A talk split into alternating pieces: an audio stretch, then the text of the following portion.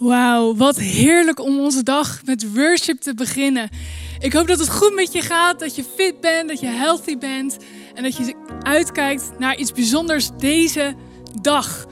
En ik heb deze Bijbel meegenomen en misschien ken je hem wel. Misschien nog niet, is het allemaal nog een ontdekkingsreis voor je, vind je het spannend?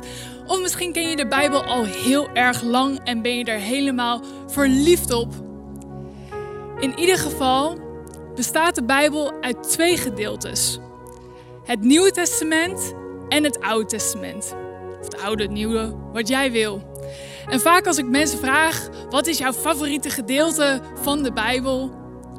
Zeggen vaak mensen het Nieuwe Testament. Want dan gaat het over Jezus en zijn wonderen en over de Heilige Geest. Over toffe dingen die mij inspireren iedere dag. En het Oude Testament, ja, dat is toch wel een beetje lastig. Een beetje bloederig. En het is zo dik, er staan zoveel letters in. Deze dag wil ik je vertellen dat de Bijbel één verhaal is. De hele Bijbel schreeuwt om verlossing, schreeuwt om wijsheid. Laat ons zien van begin tot het einde wat God met ons van plan is. Dus het is geen nieuw, er is geen oud, er is geen oud en er is geen nieuw. Het is één verhaal. Dat vanaf het begin van de aarde God mensen wilde om van ons te houden. Om, om ons te verlossen van al onze pijn, onze verdriet. Dat Jezus voor ons is gestorven. En dat we voor altijd, wanneer we in Hem geloven, bij Hem zullen zijn. En Zijn Heilige Geest, Zijn kracht ervaren. Every day. En we zitten midden in de serie God ervaren. En dan kijken we ook specifiek naar het Oude Testament, naar het volk van God de Israëlieten in de woestijn. Dan kijken we naar de tabernakel. En in de tabernakel, dat was eigenlijk de plek waar God was bij de mensen. Daar vinden we onwijs veel symboliek. En met symboliek kan je denken, oh ja, dat was leuk, dat kan me inspireren. Maar ik wil je echt zeggen, het heeft power. En de komende weken gaan we er nog veel meer over ontdekken. En dat vind ik echt fantastisch. Deze ga ik even wegleggen. Het is dus één verhaal. Eén verhaal dat God met ons wil doen. En waar we vandaag naar gaan kijken is het brandofferaltaar. Nou, je moet nog een paar dingen over mij weten. Nou, mijn naam is Desiree, dat heb je net ook kunnen lezen. Ik hou van Jezus, ik hou van mijn man Robin, ik hou van koffie en ik hou van Amsterdam. Amsterdam is onze geweldige hoofdstad en gelukkig zijn we daar ook met ICF een kerk aan het bouwen. En jaren geleden, toen wij begonnen, gingen we iedere donderdag naar de binnenstad van Amsterdam om daarvoor te bidden, om met elkaar te zijn, om na te denken hoe kerk hier in die stad eruit zou kunnen zien. En voordat we dan naar een café gingen en voordat we de juiste plek hadden gevonden, spraken we altijd af bij de piano bij Centraal Station. En daarna wisten we eigenlijk nooit wat er op ons te wachten zou staan die avond. Welke gesprekken er plaats zouden vinden, welke mensen we op ons pad zouden krijgen. Dat was onze meeting point.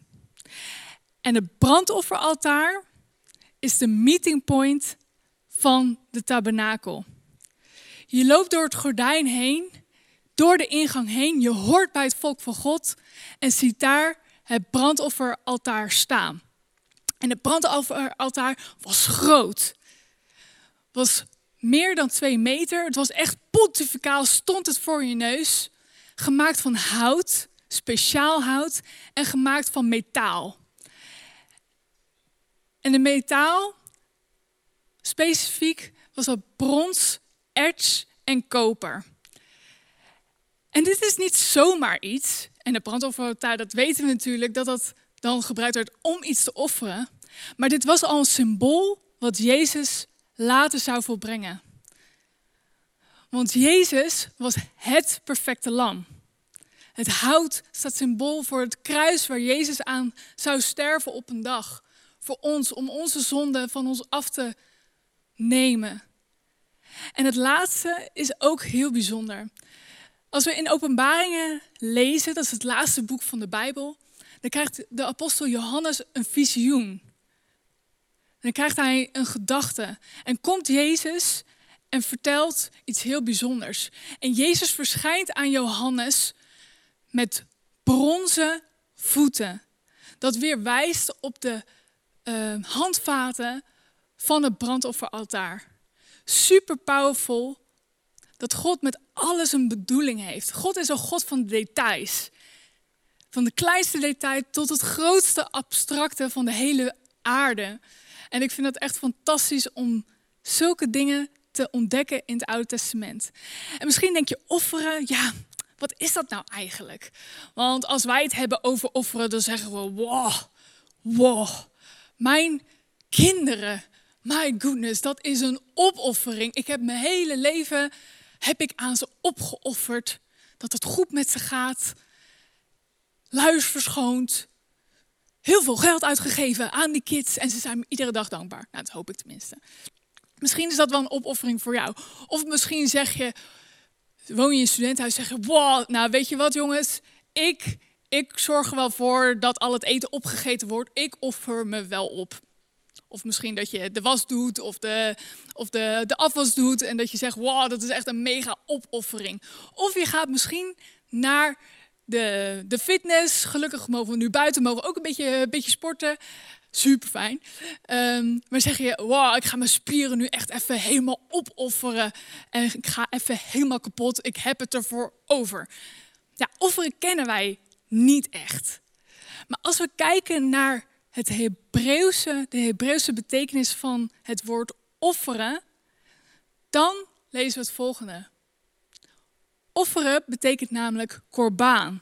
En dat betekent dichtbij komen toenadering zoeken, dichtbij zijn.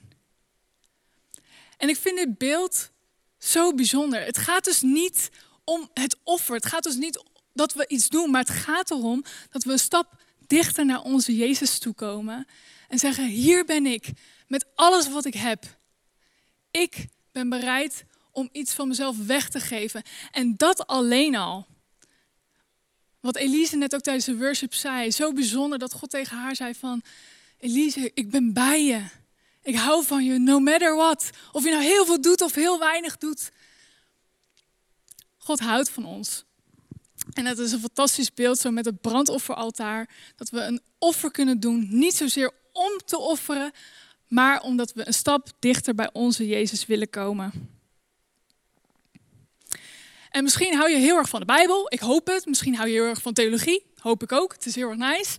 Er zijn een aantal dingen wat er gebeurde op het brandofferaltaar. Laten we even kijken wat het allemaal zou kunnen zijn. Brandoffer, nummer 1. Je geeft het oude leven compleet op. Je zegt, hier ben ik. Have it your way. Laten we iets tofs van maken. Het spijsoffer, je laat alles over aan God en laat hem voor je zorgen. Je dankoffer hebben we in de eerste week ontdekt. Je bent dankbaar naar God en je vraagt God te vullen met leven en vreugde. Het zondeoffer, je vraagt God om vergeving voor jouw onbewuste zonde. Niet de dingen die je weet, maar juist de dingen die je niet weet, de dingen die je hebt nagelaten. Het schuldoffer, je vraagt dus actief aan God om je zonde bij het altaar te laten.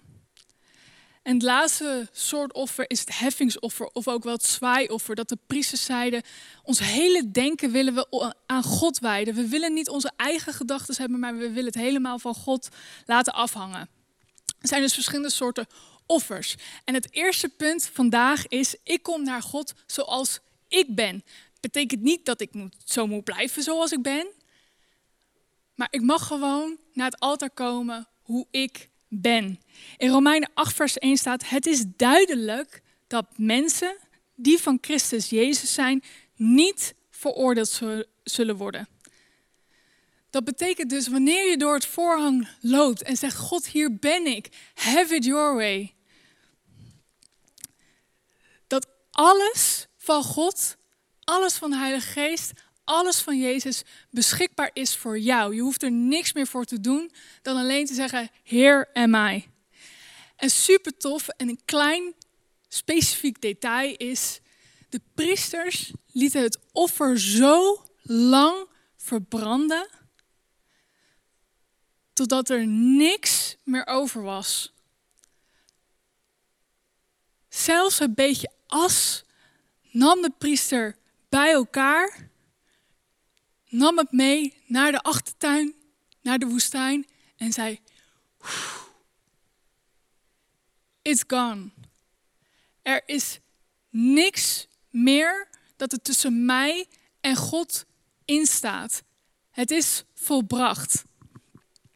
En in Romeinen 8, vers 37, uit mijn hoofd, 38 bijna, staat een super tof vers. En als je thuis bent, niemand kan je horen, dus praat gewoon lekker hardop mee, want het is super powerful. De eerste woorden. Ik ben ervan overtuigd. Dat betekent geen twijfel. Er zit daar niks tussen. Ik ben ervan overtuigd dat niets ons kan scheiden van Gods liefde. De dood niet, het leven niet, engelen niet, bovenaardse krachten niet, de dingen van vandaag niet, de dingen van morgen niet. Nee, er is geen enkele kracht die dat kan. Hoe hoog we zijn gestegen of in welke diepte wij ook ons bevinden, niets in de hele schepping kan ons scheiden van Gods liefde die ons gegeven is in Christus Jezus, onze Heer. Ik zou bijna zeggen, zet de tv uit, dit is wat je moet horen voor vandaag. Maar gelukkig heb ik nog veel, heel veel toffe dingen voor je in petto. Maar echt, onthoud dit. Niks kan jou scheiden van de liefde van God. Zelfs niet als je al heel lang Jezus kent en echt dingen in je leven hebt gedaan of gewoontes hebt dat je denkt, dit is eigenlijk niet zo tof. Dit, dit, dit, ik schaam me hiervoor. Zelfs dat zegt God, het is er niet meer. Het is volbracht. Het is in de woestijn helemaal weg. En misschien denk je dan ook wel, ja, dat is wel leuk Desiree, maar ja, zeg je dan eigenlijk dat ik dan gewoon ook mag blijven zondigen of foute dingen mag blijven doen? Ja. Ja, eigenlijk misschien wel. Maar dan heb je niet iets begrepen. Het, het zou hetzelfde zijn alsof je zegt: Deze, ik heb iets leuks bedacht. Ik heb bedacht dat ik met mijn wielrenfiets in de Zwitserse bergen over de stenen en de keien en door de zand en door de modder zou gaan rijden. Vind je dat een goed idee? Ja, voor mij mag je dat doen, maar het is niet echt slim. Of hetzelfde als je zou zeggen: kan ik met mijn Ferrari de hele dag achteruit rijden? Ja, I don't know. Ik heb geen Ferrari, maar ik denk dat dat niet zo handig is. En nee, lijkt me niet zo'n goed idee. Maar je kan het doen. Theoretisch gezien zou je het kunnen doen. Je zou iedere dag kunnen opstaan en zeggen: Nou, God, ik heb vandaag gewoon echt geen zin om uw wil te doen, dus houd maar even voor je. I don't care. Kan je doen is mogelijk. Maar dan heb je iets niet begrepen. Dan heeft, heeft de liefde van God je niet echt geraakt. Het zou zo zonde zijn om dat ons hele leven naast ons neer te leggen. En om heel eerlijk te zijn, een persoonlijk voorbeeld uit mijn leven. En zeker nu in deze coronatijd. Het gaat echt met ups en downs. Soms zijn er ook dagen dat ik echt denk, ik doe een dekbed boven mijn over mijn hoofd heen en niemand ziet dat ik er ben en ik wil, ik wil gewoon dit allemaal even niet. Terwijl ik daar soms ook helemaal geen aanleiding voor heb of I don't know. Ik zei van de week ook, ik voel me zo ongelukkig. Terwijl een uur later, er kan er iets gebeurd zijn. En dan ben ik weer super gelukkig en denk, wat is dat nou? En afgelopen week hadden we een small group. En dat was een heel bijzonder gesprek over de power van de Heilige Geest. Vorige week hebben we daar namelijk een hele toffe message over gehad. Kijk hem zeker terug. En iemand uit het team zei ook: Ik ervaar de Heilige Geest en ik vind hem fantastisch.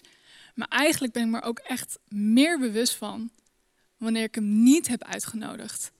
Wanneer ik ben opgestaan op een dag en eigenlijk hem helemaal niet heb ja, uitgenodigd en hem heb ervaren.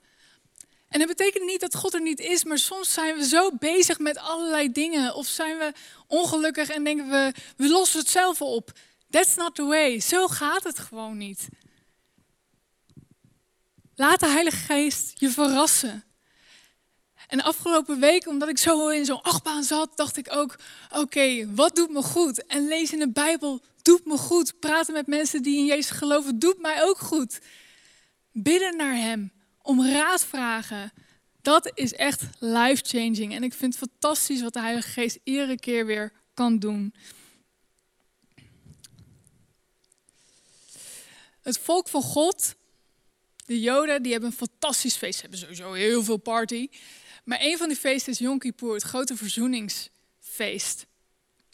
En wat zij dan doen, is super nice. Ze nemen een blad papier. het zijn er twee. Ze nemen een blad papier en zeggen dan: Dit zijn al onze zonden. Alles wat er tussen ons en Jezus staat. En lieve kinderen, generatie op generatie. Jezus, God, heeft alles volbracht. We nemen een blad papier en we leggen het in het water.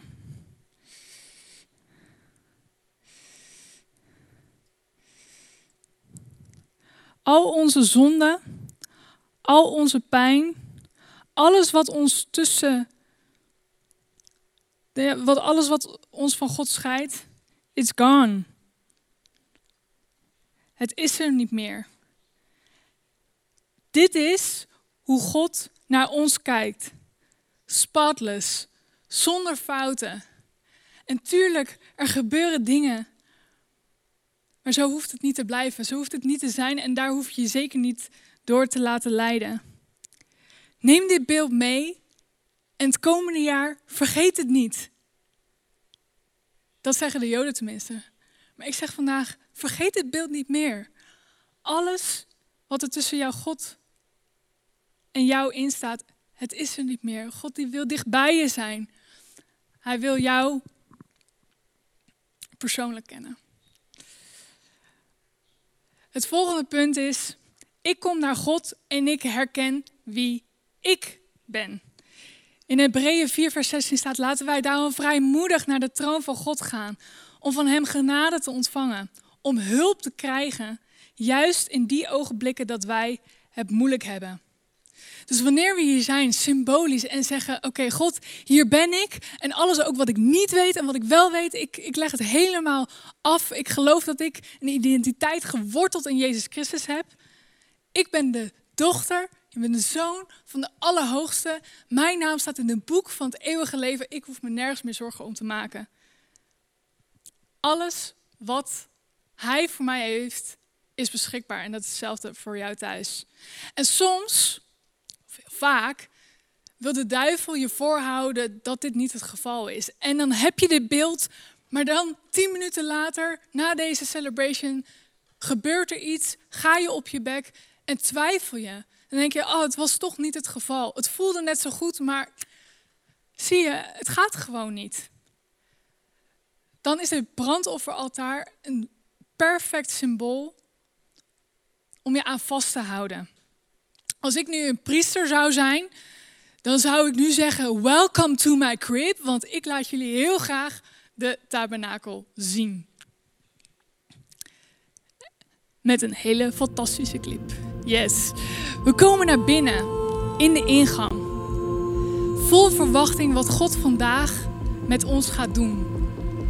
En daar zien we meteen pontificaal in het midden het brandofferaltaar staan. Gemaakt van hout, gemaakt van metaal. Het kan er super heet worden. En op alle vier de hoeken zien we horen staan. Beetje weird, een beetje apart, maar ze zijn praktisch en symbolisch. Een praktisch doel was bijvoorbeeld dat ze daarmee het lam, het offer konden vastbinden. Maar ook was een hoorn had de bedoeling dat wanneer er iets naars was gebeurd en dat je naar, um, naar om, om vergeving wilde vragen, dat je zo lang de hoorn vast zou houden totdat er een uitspraak was. Het was dus een soort van toevluchtsoord waarvan je wist, als ik dit vasthoud, dan kan mij niks gebeuren. En het derde is, is dat het ook heel veel symboliek heeft. Het kijkt uit naar de speciale elementen in het heilige der heiligen. hele toffe dingen die we kunnen ontdekken. Het eerste, als we kijken dus naar het brandofferaltaar, is het volk van God. Gods volk. We horen er helemaal bij.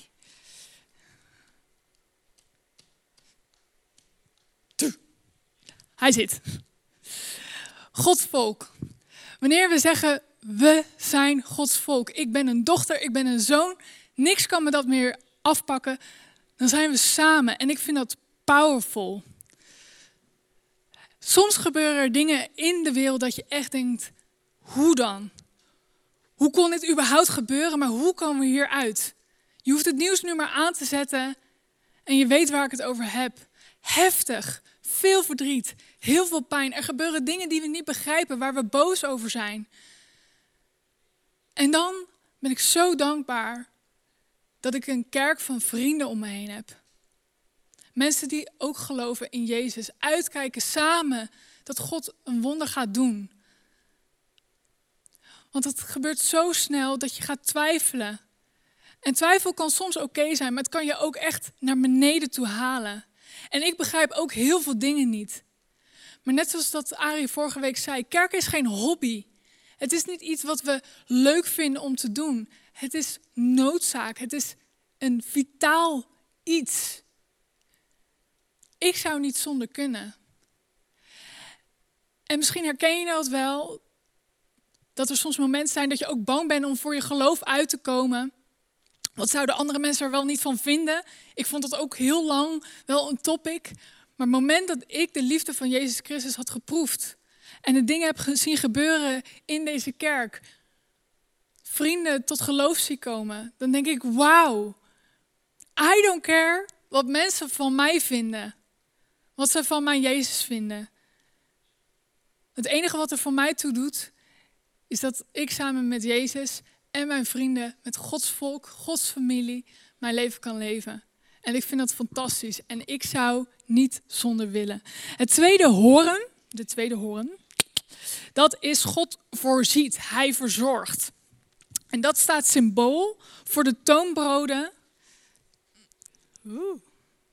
Yes.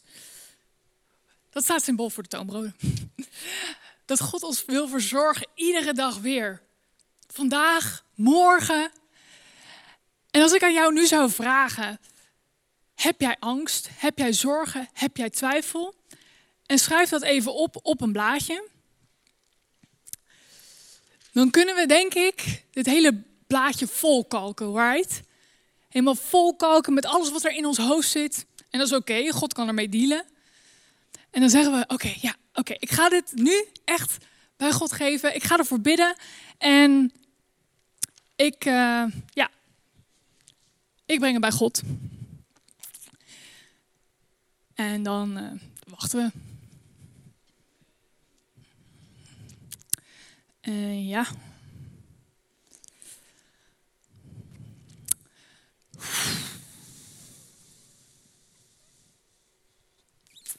Ja. Daar ligt het dan.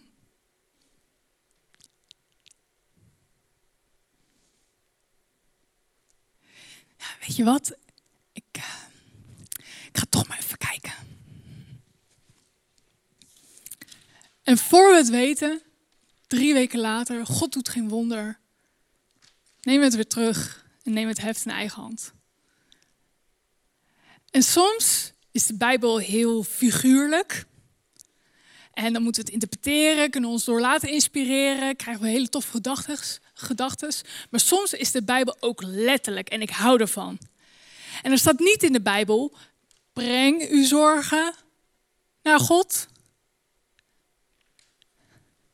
Nee, er staat, werp uw zorgen naar God. En als het goed is, heb jij nu ook een blaadje. Ik zou het namelijk niet met je telefoon doen. Maar denk beeldig, schrijf op wat jouw zorgen zijn. Corona, je werk, je toekomst. Dingen op het nieuws, onrecht. Je hond, je kat, I don't know, waar jij je druk om maakt.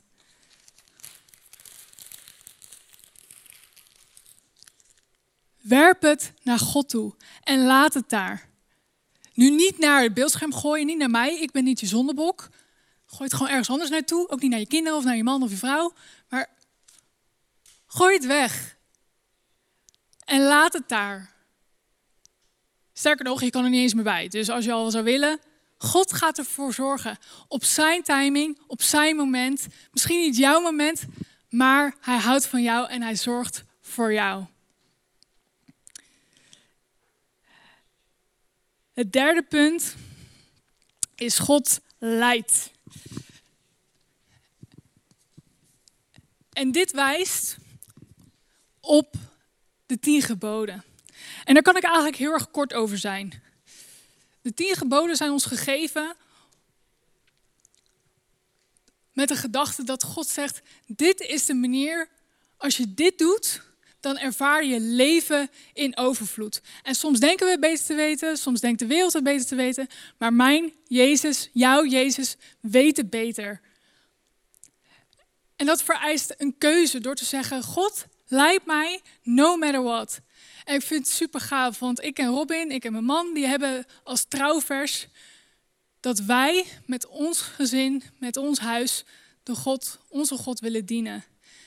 En dat vind ik powerful. En dat zorgt ook voor dat ik in mijn dagelijkse dag, niet elke dag, maar gewoon op mijn dagelijkse dag weet, hier heb ik voor gekozen. Ik wil naar de kerk, ik wil vrijgevig zijn en ik volg dit gewoon met discipline.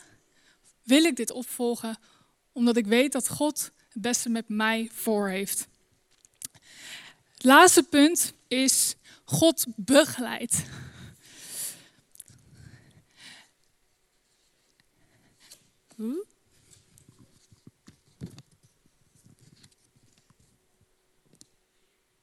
Hoppakee.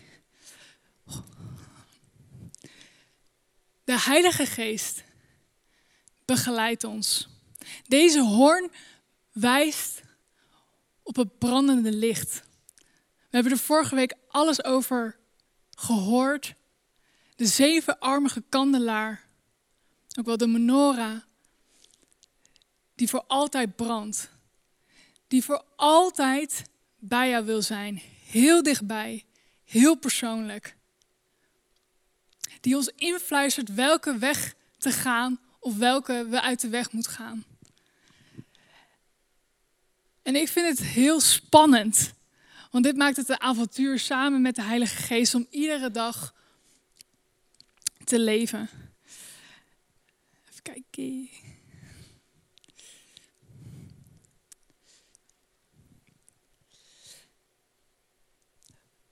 En wat ik al aan het begin zei, God is een God van de details.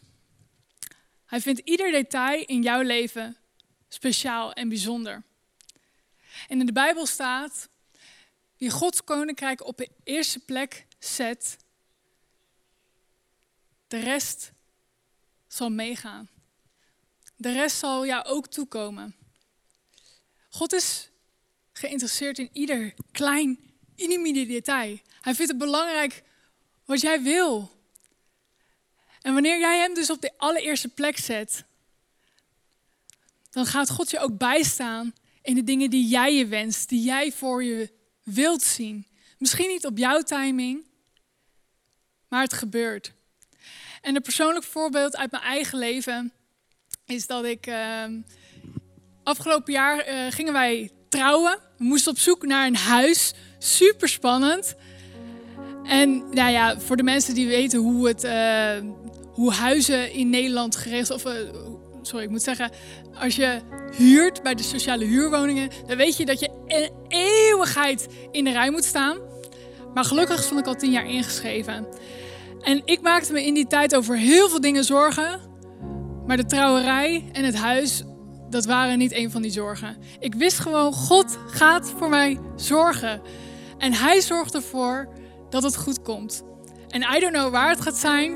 Je hebt ook niet zo heel veel keus. Maar we wisten wel, we willen het liefst wel een huis. Dat zou wel heel erg tof zijn. En midden in onze vakantie moesten we eigenlijk het huis gaan bezichtigen. Nou, dat ging helemaal niet, want wij waren in Duitsland. Dus mijn zwager die ging daar naartoe en die ging het huis bezichtigen. Een huis net om de hoek waar mijn opa woont, die me heel dierbaar is. En het huis was mooi, er moest heel veel aan gebeuren. Maar wij dachten wel, dit is wel een plek waar wij zouden willen wonen. Dus we hadden het geaccepteerd. Helemaal blij, want we dachten, nu hebben we een huis. En het was super fijn dat het dicht bij onze ouders en dicht bij de familie is. En ik zag mezelf er echt al wel wonen.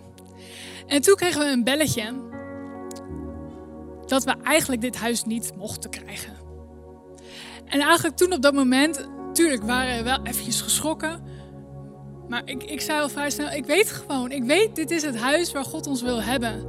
En ik weet gewoon, God begeleidt. Hij verzorgt mij. Dit is niet zomaar. Ik wist gewoon, er is iets met dit huis en dit moet het zijn. In gesprek gegaan, uitgelegd wie we waren. En uiteindelijk zei die vrouw: Nou, we hebben er heel wat om moeten discussiëren. Maar ja, we vinden toch dat jullie dit huis moeten krijgen. Dus gefeliciteerd. En dit was al zo bizar dat ik wist, als er iets met een beetje struggle gaat en met een beetje uitdaging gaat, ik wil gewoon Gods hand daarin zien. Betekent niet dat ik op zoek ben naar tekenen en zo, maar ik wil Gods liefde in alles ervaren, zelfs in zoiets praktisch als een huis. Twee weken later, dat we te horen kregen dat we dit huis hadden, vertelde ICF dat zij hun kantoor uit moesten. Het was een kantoor met heel veel herinneringen, echt ik weet niet, ik, ik, ik hou altijd van, van, van plekken en ik kan er moeilijk afstand van doen. Maar dat kantoor ging naar de grond, dus we hadden iets nieuws nodig. En toen zeiden ze, maar we hebben iets nieuws gevonden. En guess what? Drie minuten van mijn huis lopend staat dit kantoor. En ik hou van de kerk, ik hou van ICF en ik hou ervan om heel veel tijd te investeren. Dus reistijd vind ik eigenlijk ook een beetje zonde van mijn tijd. En er, dat we de afgelopen weken en maanden daar ook onze livestreams hadden. Voor mij, ik wist gewoon van tevoren al, dit is een plek waar wij moeten zijn. Dit is een plek waar we ook onze offers zullen doen. Dit is een plek waar andere mensen ook een thuis vinden. Ik heb daar in ieder geval een thuis gevonden. En voor mij is het dan ook onwijs uitdagend om te zien wat er nog allemaal in gaat gebeuren en wat er allemaal plaats gaat vinden. Het laatste vers dat ik met jullie wil delen staat in Romeinen 12, vers 1 en 2. Ik zeg u daarom, vrienden, dat u zich helemaal aan God moet wijden. Te meer omdat Hij u al zijn liefdevolle goedheid aanbiedt. Het is voor jou. Laat uw lichaam een levend offer zijn, heilig, zodat het een vreugde voor God is. Dat is immers de beste manier waarop u God kunt dienen. U moet niet worden als de mensen die zich van niets van God aantrekken. U moet anders worden door een nieuwe manier van denken. Dan kunt u ontdekken wat God wil. En wat Hij wil is goed, aangenaam en volmaakt. En ik weet niet wat jij net denkbeeldig zag verdwijnen in het water. Ik weet niet wat jij net hebt weggegooid. Ik weet niet waar jij staat met Jezus, jouw Jezus. En wat je van dit alles vindt. Maar God houdt van jou. En we herhalen het iedere message weer. Want als we dat niet begrijpen, Wanneer dat niet op de eerste plek staat in ons hoofd. En dat we bereid zijn om dichtbij te komen bij God. Offers te doen, dingen weg te zetten van onszelf. Onze trots en alles wat ons tegenhoudt om echt dichtbij bij God te zijn. Als we dat niet wegleggen, dan ervaren we die volkomen liefde, die overvloedige liefde ervaren we dan niet. En het is voor jou beschikbaar. De hemel is open voor jou. Met al je wensen, met al je ideeën, met alle dingen die door je hoofd heen gaat. En het is niet alleen voor jou, het zijn ook de mensen om je heen, je small group, je familie, je vrienden. En laten we samen naar uitkijken dat God ons leidt, dat we één familie zijn. Dat Hij ons voorziet, dat Hij ons leidt en dat de Heilige Geest ons begeleidt. Zodat we weten, deze kant moeten we op. Deze kant moeten we op. En dan wordt het een avontuur. En ik hoop dat het brandofferaltaar, en neem ook het kruis, een symbool is in je leven waar je aan vast kan houden. Totdat het opgelost is. Totdat je je wonder ziet. Om daar aan vast te houden, niet los te laten. Dat zijn liefde jou altijd begeleidt. En waar je ook bent, misschien in de tuin, misschien op je balkon, misschien op het toilet, I don't know. Misschien onderweg naar je werk, vol met uitdagingen. Bij je kids, waar je ook bent. Bid het volgende gebed met me mee. Ja, Jezus, ik wil u bedanken dat u voor mij persoonlijk aan het kruis bent gestorven. En ik heb het al honderdduizend keer gehoord, of misschien ik hoor het voor de allereerste keer. Dat er iemand is die in mij gelooft, die naast mij wil staan.